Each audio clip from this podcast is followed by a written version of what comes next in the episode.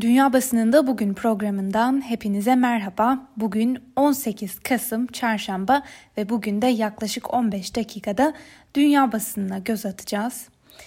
E, dün bültenimize bir iddia olarak aktardığımız ve sonrasında da doğrulanan bir gelişmeye ve yankılarına göz atarak başlayalım.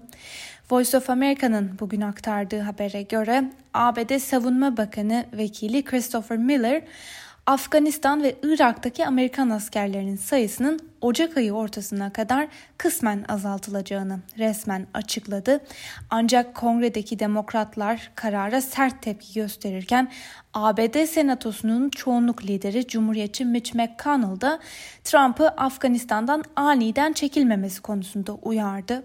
E, kararı eleştirenler Afganistan'dan çekilmenin ülkede zaten kırılgan durumdaki güvenlik koşullarını zafiyete uğratacağı ve Afgan hükümetiyle Taliban arasında yürütülen barış görüşmelerine de zarar vereceğini savunuyor. Bu arada Trump'ın bu kararına bir tepki de NATO'dan geldi. NATO Genel Sekreteri bu adımın uluslararası teröristlerin ülkede yeniden yer edinmesine yol açabileceği uyarısında bulunuyor ve öbür taraftan Reuters'ın ABD'li yetkililere dayandırdığı bir diğer habere göre de Trump'ın küresel bir geri çekilme kapsamında Somali'den neredeyse tüm askerlerini çekebileceği de konuşuluyor.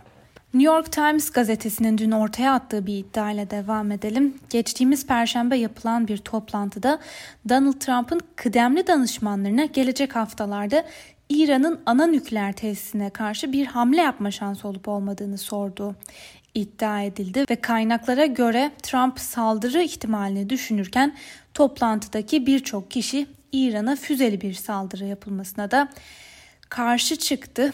Öbür taraftan Uluslararası Atom Enerjisi Kurumu'nun geçen çarşamba günü yaptığı açıklamaya göre İran zenginleştirilmiş uranyum stoğunu eski nükleer anlaşmanın izin verdiği limitlerin 12 katına kadar çıkardı. Ee, Trump 2018'de ABD'yi bu anlaşmadan çektikten sonra İran artık taahhütlere uymayacağını açıklamıştı. New York Times gazetesinin bu konuda aktardığı bir haberde ise bugün şu ifadeler kullanılmış.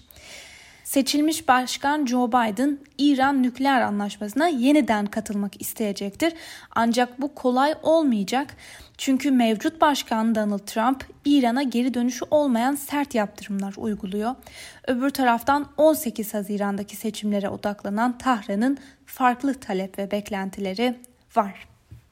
Gazetenin bugün gündemindeki haberlerden biriyle devam edelim. Trump ABD İç Güvenlik Bakanlığı'na bağlı Siber Güvenlik ve Altyapı Dairesi Başkanı Chris Krebs'in ABD seçimlerinin güvenliği konusunda çok yanlış bir açıklama yaptığını öne sürerek görevine son verdi. Voice of America'nın aktardığı bir haberle devam edelim. Fransa Cumhurbaşkanı Emmanuel Macron, hükümetin cihatçı terör ve koronavirüsüyle mücadele politikalarını sert bir şekilde eleştiren Amerikan, İngiliz ve Almanya'nın dev medya gruplarıyla sert bir kavgaya girdi. Gazeteler Macron'u banliyölerdeki getto sorununu ve entegrasyondaki başarısızlığı çözmek yerine laiklik adına Fransız Müslümanlarına baskı yapmakla suçladı.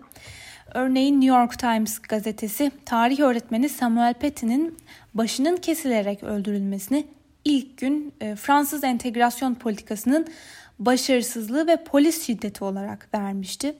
Sonrasında Macron'un radikal İslam'la mücadele çağrısını ele alan gazete Fransa sistematik ırkçılıkla savaşmak yerine İslam'ı reform etmek istiyor derken Washington Post gazetesi ise İslamcı ayrılıkçılıkla mücadele fikri terörist şiddet dışında bir sorunu çözmek için tasarlanmış gibi görünüyor ifadesiyle Fransız hükümetinin politikalarına şüpheyle yaklaşmıştı ve Macron ise buna karşılık radikal İslamcılığa karşı izlenen politikaları ele alış şekilleri nedeniyle Anglo-Sakson medyasını şiddeti meşrulaştırmakla suçluyor. Yine Amerikan basınında Rusya'ya ilişkin de bir iddia ortaya atıldı. Salgınla mücadele eden Rusya, ülkede salgının başından bu yana 33 bin kişinin korona nedeniyle hayatını kaybettiğini açıkladı.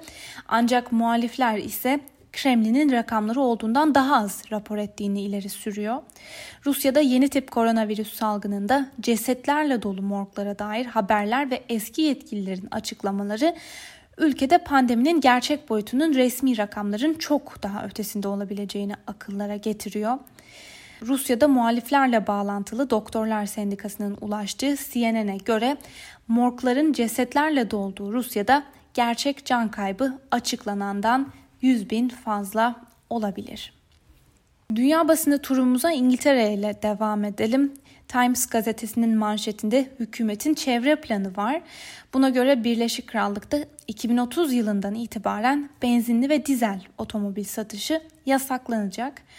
Habere göre enerji düzenlemesi kapsamında bu alanda sunulan fon ve hibelerde de bir artış olacak. Gazete ayrıca İngiltere'nin sera gazlarını 2050 yılına kadar net sıfıra indirmek gibi bir siyasi hedefi olduğunu da ekliyor. Aynı haberi e, manşetine taşıyan The Financial Times ise Boris Johnson'ın başlatacağı 10 aşamalı yeşil planın 12 milyar sterline mal olacağını yazmış. Bu plandan da yeşil sanayi devrimi diye bahsedilmiş. Alman basınından Deutsche Welle ile devam edelim.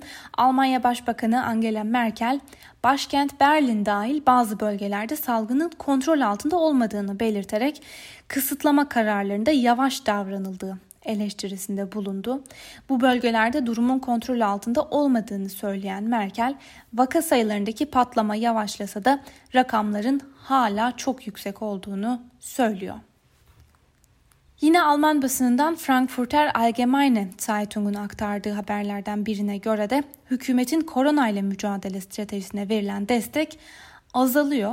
Aslında Alman vatandaşlarının büyük bir çoğunluğu salgını kontrol altına almak için alınacak önlemleri hala destekliyorlar. Ancak Almanya'daki tutarsız düzenlemeler, kurallar ve belirsiz önlemlerden dolayı ülke genelinde hoşnutsuzluk da artıyor. İspanyol El País'in gündeminde İspanya'da yapılan bir anketin sonuçları var. Buna göre İspanyolların büyük bir kısmı ikinci bir genel karantina sürecini destekliyorlar. Fransız basınından Le Figaro küçük esnafın büyük bunalımı başlıklı bir haber paylaşmış. Buna göre diğer birçok ülkede olduğu gibi Fransa'da e, salgınla mücadele kapsamında ikinci bir karantina sürecinden geçiyor. Ancak küçük işletmeler e, bu durumdan dolayı sıkıntı yaşıyorlar. Bir ay uygulanması planlanan karantina sürecinin uzayabileceği ihtimali gündeme gelmişken işletmelerde açılma kararı verilmesi için hükümete taleplerini ilettiler. Fransız basınında öne çıkan haberlerden birine göre Fransa salgında artan vaka sayıları ve ekonomik toparlanmanın beklenenden daha uzun süreceği gerekçesiyle 2021 yılı büyüme beklentisini yaklaşık %6.4 oranında düşürdü. Fransız Le Monde'un yorum köşesinde şu ifadeler dikkatimizi çekti. Joe Biden yönetimi altında Amerikan dış politikasında büyük değişiklikler olacağını göz ardı etmemeliyiz.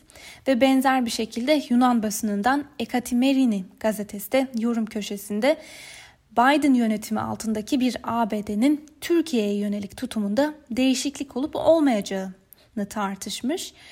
Biden'ın Türkiye'nin yayılmacı politikasını etkin bir şekilde kontrol edeceği yönündeki beklentilerimizi azaltmak akıllıca olacaktır.